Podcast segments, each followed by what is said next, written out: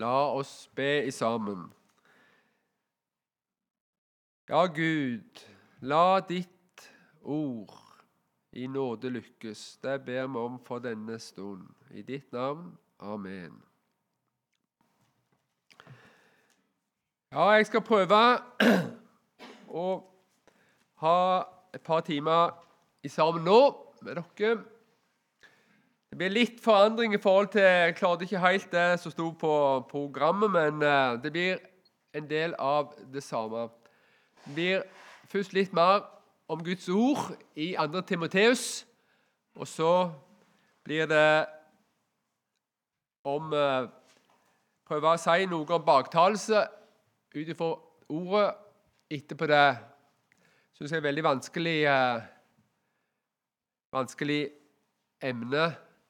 Men jeg tror det er et veldig viktig emne eller tema å si noe om. Men det som er enda vanskeligere, det er jo at det kunne få Få innvirkning i livet vårt.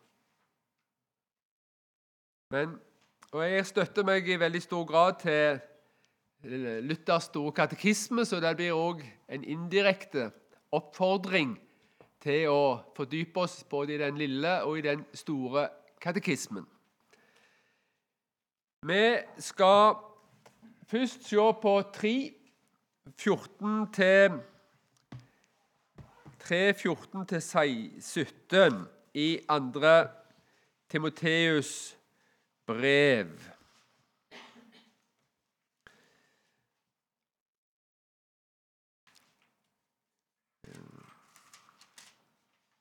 Andre Timoteus 3. Da leser vi det først sammen. Men bli du i det du har lært og er blitt overbevist om. Du vet jo hvem du har lært av, og helt fra barndommen av kjenner du de hellige skrifter, som kan gjøre deg vis til frelse ved troen på Kristus Jesus. Hele Skriften er innåndet av Gud og nyttig til lærdom, til overbevisning, til rettledning, til opptuktelse i rettferdighet, for at Guds menneske kan være fullkomment, satt i stand til all god gjerning. Amen. Så Forkynn ordet. Fortsetter det jo med dere i 4.2, som vi snakket om den andre kvelden. Men her i vers 14 så begynner det jo med et 'men'. Og Det gjør det jo i vers 13 òg, for et 'men' det viser jo på en måte tilbake og står i en motsetning. Men onde mennesker og bedragere går fram til det verre. De fører vil og farer vil. Men blir du i det du har lært og er blitt overbevist om. Paulus han kom jo til der som Timoteus bodde i den både den første og den andre misjonsreisen i Lystra i Lille Asia, det som vi vel forbinder med Tyrkia. Der bodde Timoteus. Han eh, var en ung, en ung ungdom på den tida. Og på den andre misjonsreisen så, så ble han jo tatt med videre på reisen av Paulus. Og han må jo ha opplevd veldig, veldig mange ting i sin eh, ungdomstid der. Han var jo da med på den andre misjonsreisen, men eh, Det står veldig lite om han. Eksempel der de kom jo ganske raskt over til, over til Europa. De var i Troas, og så fikk Paulus det synet. Han kom over og hjalp oss, og så reiste de over til Europa. og De traff Lydia, og Herren åpna hennes hjerte, så hun ga akt på det som Paulus forkynte, og Gud fikk tak i henne der. Men nokså raskt så ble de jo satt inn etter de var piska offentlig, så ble de satt inn i det innerste fangehullet. Men da tenker vi vel ofte på Ja, det står jo der det var, var Paulus og Silas. Men hvor var Timoteus? Ja, Han var en eller annen plass der, han òg. Eh, så var han med i fangehullet, eller var han ikke det, sier ikke Guds ord. Men han var jo med på reisen, og han fikk oppleve det. Var han 15 år, var han 16 år, var han 17, var han 18? Ja, det er ikke så lett for oss å si, men han var veldig ung og være med på, på det der. Og Paulus kaller han jo her i begynnelsen av 2. Timoteus brev i vers 2 i kapittel 1 til Timoteus, min kjære sønn. Så han, han var jo ikke sønnen sånn biologisk, familiært, men de var jo åndelig slektskap. Så Paul, Timoteus var antageligvis kommet til tro på Jesus eh, ved Paulus. og i, i det første brevet da står det nokså likt, men da står det ikke 'min kjære sønn', men da står det 'min ekte'. Er det ikke det? 'Min ekte sønn i troen'. Så det var så Paulus hadde lært Timoteus om Gud og Guds vei og forkynte han evangeliet. Men det er jo to andre òg som er de store helt heltinner i Timoteus sitt liv. Timoteus var jo halvt jøde. Han hadde jo en jødisk mor, Aunike, men faren var en greker. Men det var visstnok sånn at på den tida at du var definert Hvis du var 50% jøde, så var det mora som definerte om du var jøde eller ikke. Så Timoteus var jøde sånn sett, men han var ikke omskåret. Så Det viser nok at faren var en motstander av å innrette familielivet og eh, etter Guds ord. Men hva står det om Aunike? Ja, og mormora òg. Kanskje er det noen mommødre, holder på å si, noen bestemødre farmor og mormor. Det står her i 2. Timoteus eh, 5 1, mener jeg. 1, også vers 5 står det Paulus tenker på, på deg og skriver om dem her i brevet. For jeg har blitt minnet om din oppriktige tro, den som først bodde i din mormor Lois og i din mor Aunike. Så han har, har hatt ei mor og ei mormor som har vært troende. Men dypest sett, når du lærer Guds ord, så er det Gud du lær, blir lært av.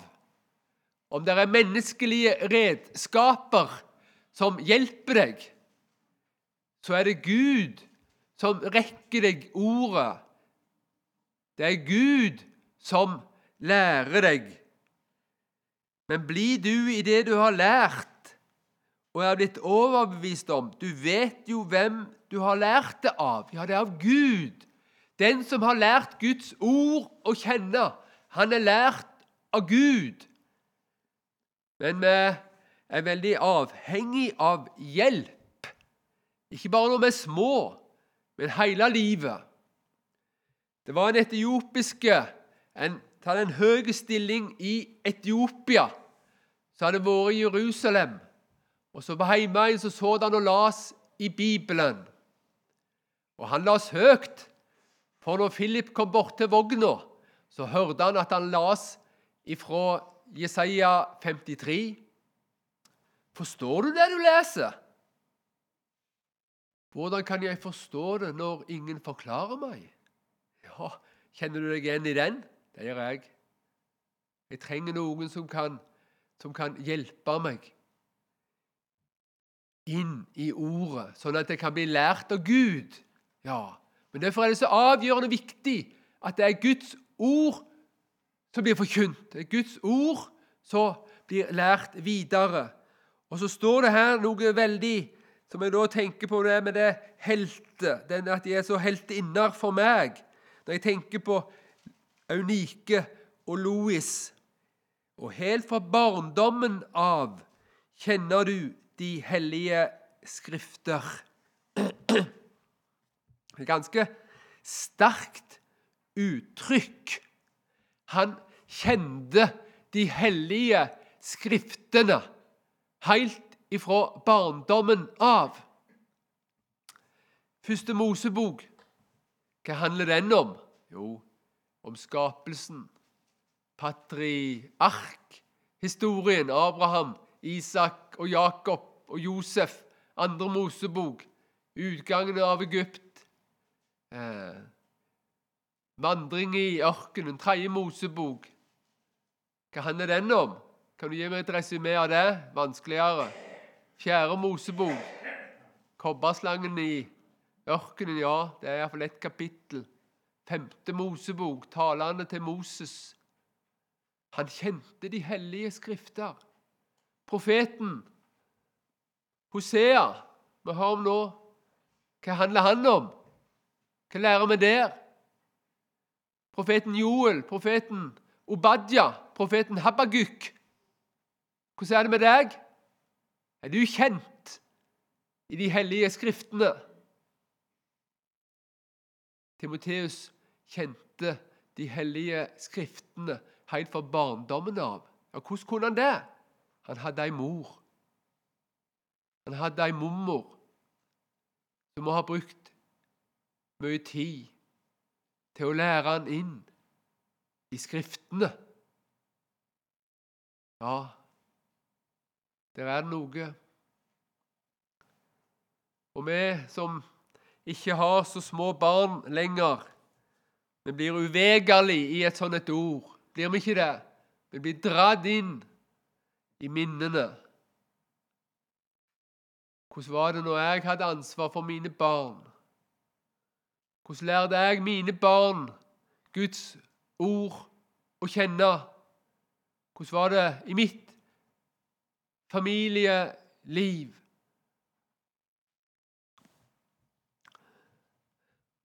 Og så er det noe med det der kombinasjonen Når du er på en måte inn i barndommen, da er du jo inn i familielivet. Det var en som sa jeg noe Iallfall i innhold Jeg husker, klarer det ikke helt utenat, men han sa et eller annet sånt 'Jeg hører ikke hva du sier, for livet ditt roper så høyt'. Ja. Kan jo si du må lytte til Guds ord. Men hvis ikke mor og far bruker Bibelen sjøl, hvis ikke vi lever med Jesus sjøl, i synd og nåde, lov evangelium. Men å føre barna inn i Guds ord, helt fra barndommen av, kjenner du de hellige skrifter. Ja. Mormor òg hadde en plass her. Faren Det virker ikke som han. Og jeg vet ikke hvordan det er i det praktiske liv i de tusen hjem. Jeg vet bare det at det er ofte stor forskjell på teori og praksis. Og det kan være stor forskjell på det sånn som dere ser meg, og hvordan jeg opptrer i heimen min.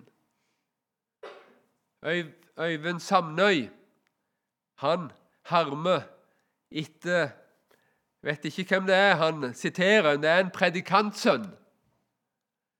Predikantsønnen hadde sagt jeg, jeg kan gjerne høre far forkynne, for han lever hjemme sånn som han forkynner på talerstolen. Hvordan er det for oss? Hvordan er det for deg? Og så tenker jeg jo på bibelskoleelevene òg. Kanskje er det ikke så lenge til, så skal du bygge din heim. Så skal du ha din familie. Ja, Guds ords plass i hjemmet. Guds ords plass i livet ditt og i livet til din familie.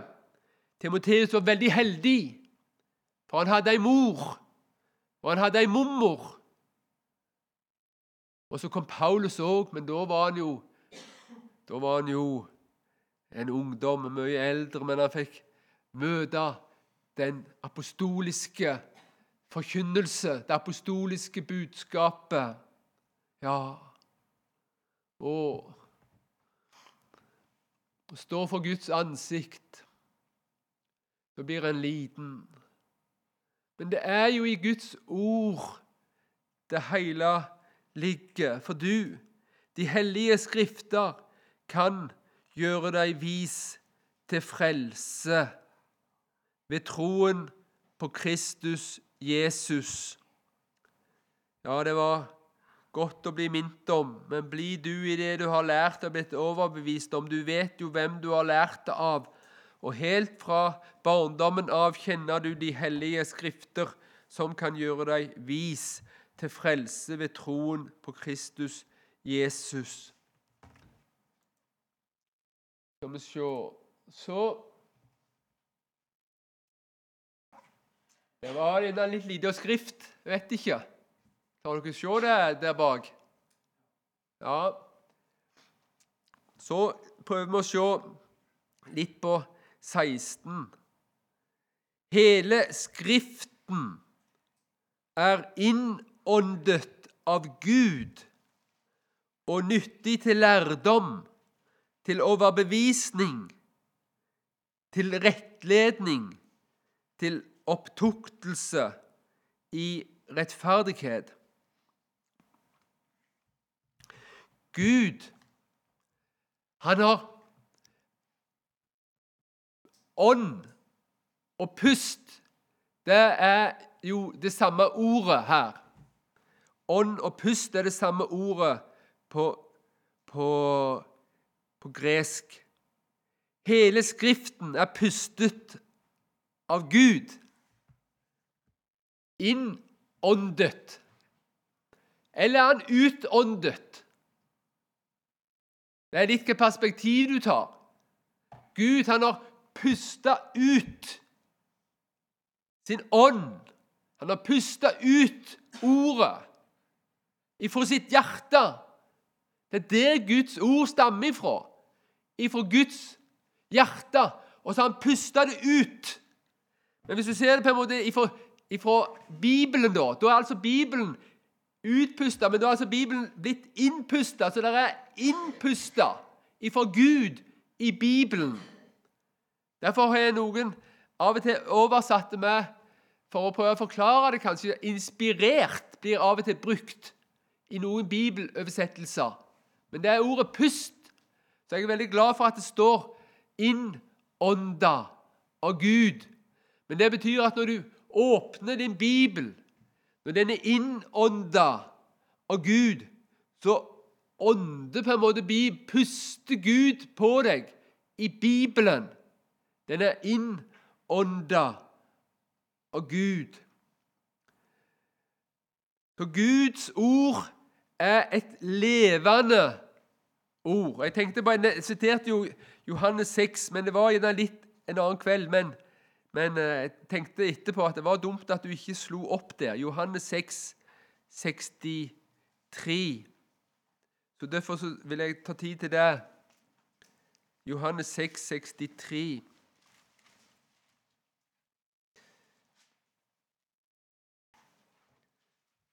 Og her har du Jesu ord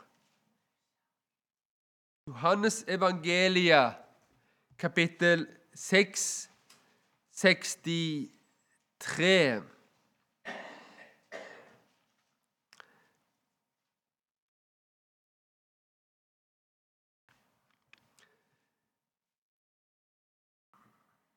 Det er Ånden som gjør levende. Kjøtet gagner ikke noe. De ordene jeg har talt til dere, er ånd og er liv. Ordene ifra Jesus de bringer Jesus med seg. Ordene ifra Jesus, de er ånd, og de er liv. Hele Skriften er innånda av Gud. Og hvis vi går til Jeremia 23 Det er jo hyrdekapitlet. Det kan være en huskeregel i det med Salme 23. Herren er min hurde. Og så Jeremia 23.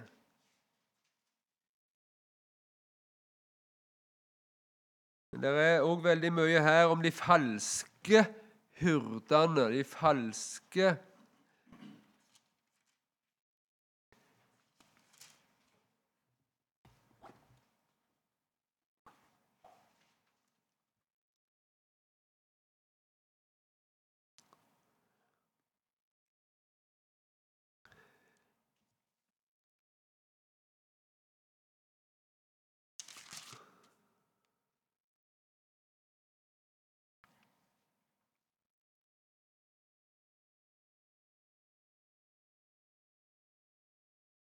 Vet ikke helt hvor uh,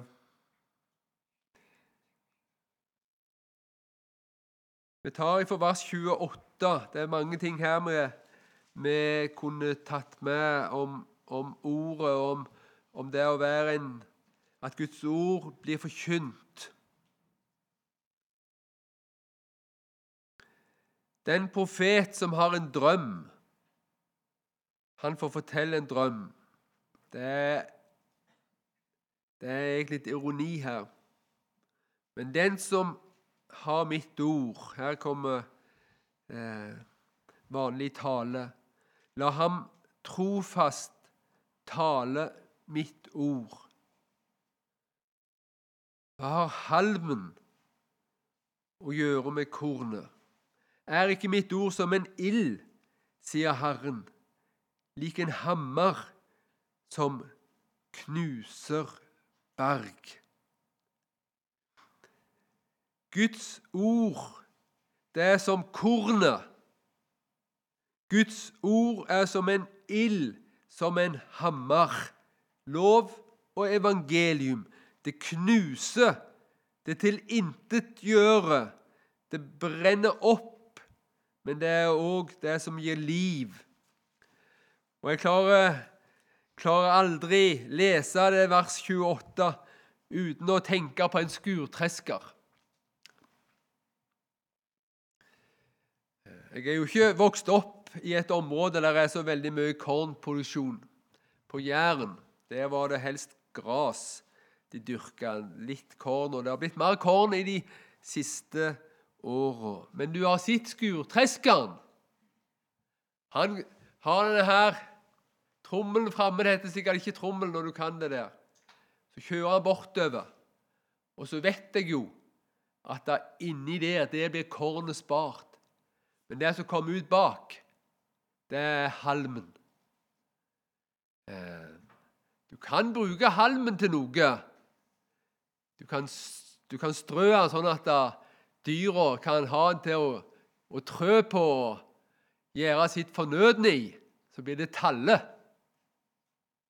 Eller du kan, du kan brenne den. Det er jo var jeg ikke en bonde i Danmark som hadde en sentralfyr i huset sitt, og så brant han halm for å få varm, varmt hus.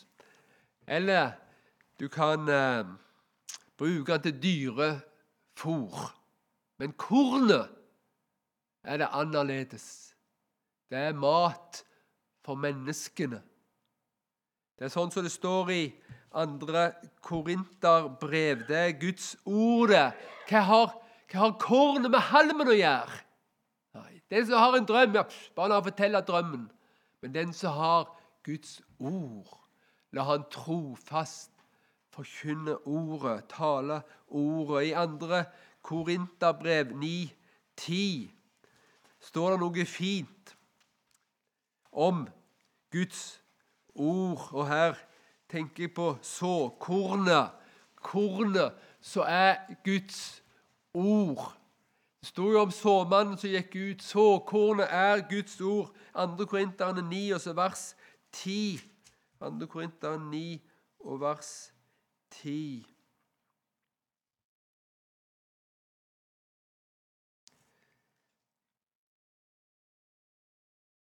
Og han som gir såmannen såkorn og brød å ete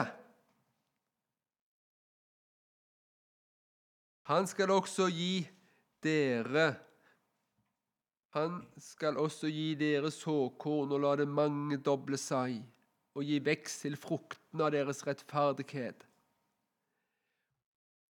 Men kornet her blir det lagt vekt på to ting med kornet. Det er mat, og det er såkorn. Og Her har du en hemmelighet. Det er mat for sjelen å høre Guds ord, ordet om vår Herre Jesus. Men det samme ordet som er, så, som er mat, det er også såkorn. Sånn at det kan bli mer korn, mer frukt. Ja, for Guds ord er levende og virksomt, skarpere enn noe tveget sverd. Det trenger igjennom. Det trenger igjennom helt til det dømmer hjertets tanker og rådet. Det kløver sjel og ånd, ledd og marg. Og Sånn som det sto Jeremia der, det er som en hammer, det er som en ild, men det er òg som en legedom. Det er som såkornet. Det er der livet ligger. Livet ligger i såkornet. Det spirer og gror, og så gir det brød. Så gir det brød til den som skal ete. Og såmannen gir det såkorn. Ja, Guds ord. Og så var det det som står i den blå her den blå her. Og Da er jo det ordet som sto her i 3.16. 2. Timoteus 3.16. Guds hele Skriften Det er så mye vi kunne stoppe for her, men er innåndet av Gud og nyttig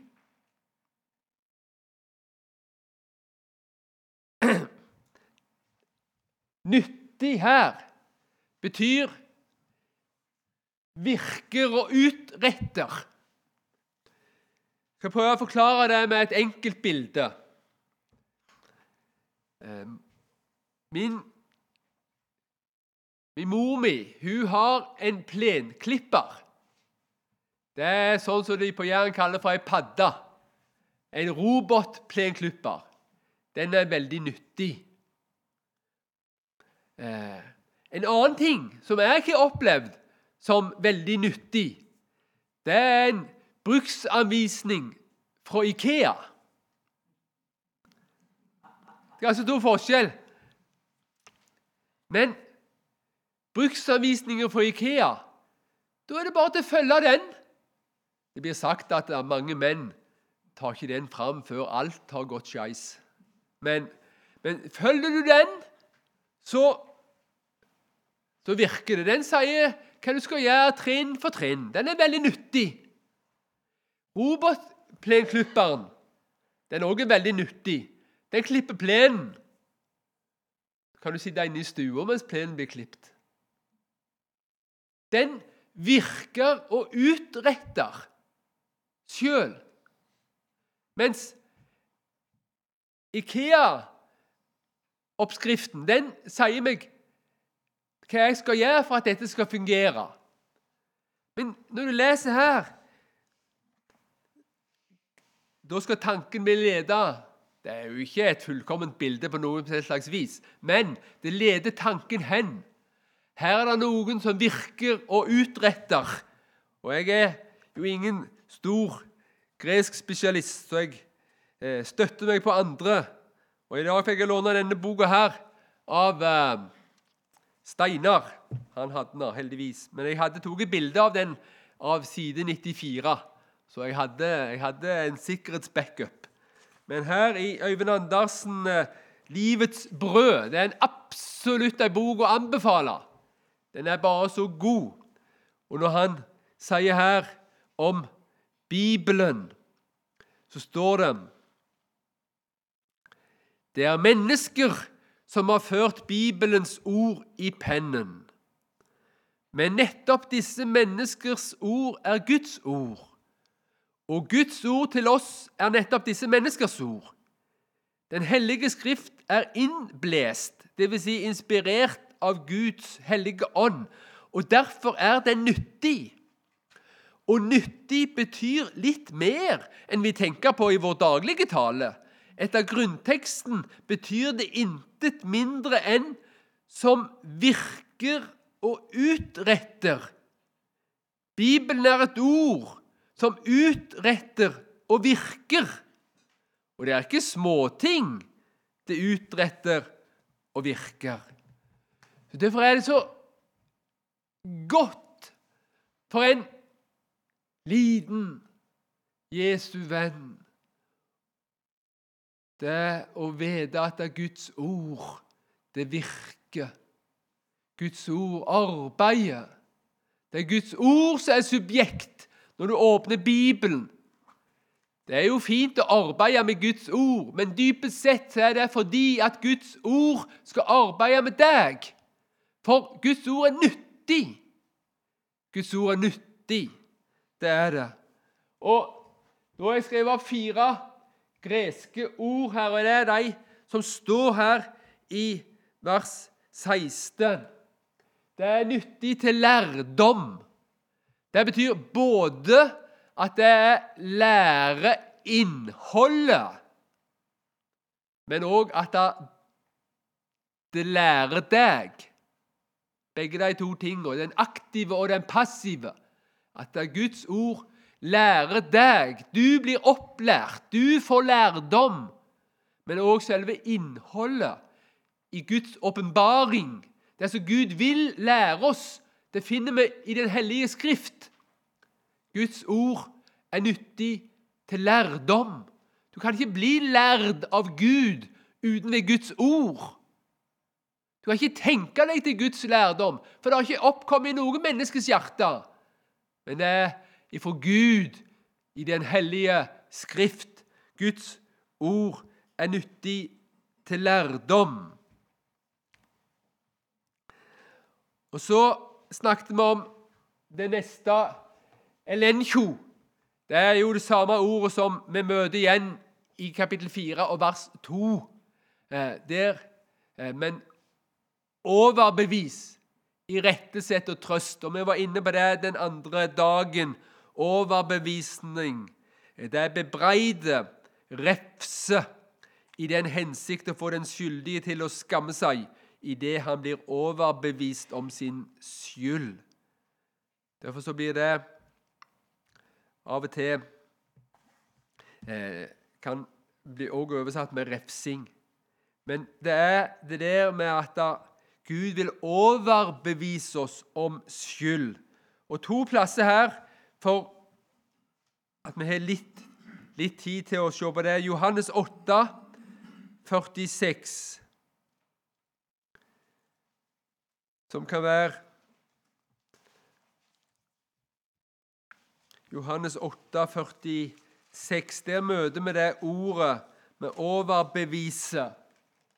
Overbevisning eller, er jo substantivformen, og verbformen er å overbevise. Og substantivformen er en overbevisning. sant? Men det er samme roten i ordet. 846. Det er bebreide, refse i den hensikt å få den skyldige til å skamme seg idet han blir overbevist om sin skyld. Eh, for han er 846a. Jeg notert her. Og det er Jesus som sier det. Hvem av dere kan overbevise meg om synd? Nei, det kunne ingen. Jesus kunne ikke bli overbevist. Han kunne ikke bli refsa fordi han var skyldig, så han, han på en måte skulle innse om sin egen skyld. Nei, hvem kunne overbevise meg om synd, sier Jesus. Hvem er, klarer dere? Nei, ingen kan det, for han er uten synd, han. Men verden, menneskene, som det står i Johannes 16, 8, det er det samme ordet som blir brukt der.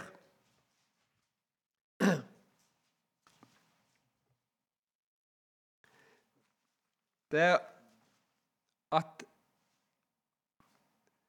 Og når han kommer, skal han overbevise verden. Elinkjon om synd om rettferdighet og dom. Så Den hellige ånd Og Da er noe der, sånn som det står videre i, i hebreerne Vi har sitert det noen ganger, det der med at eh, Guds ord er levende og virksomt og skarpere enn noe tveget sverd. Eh,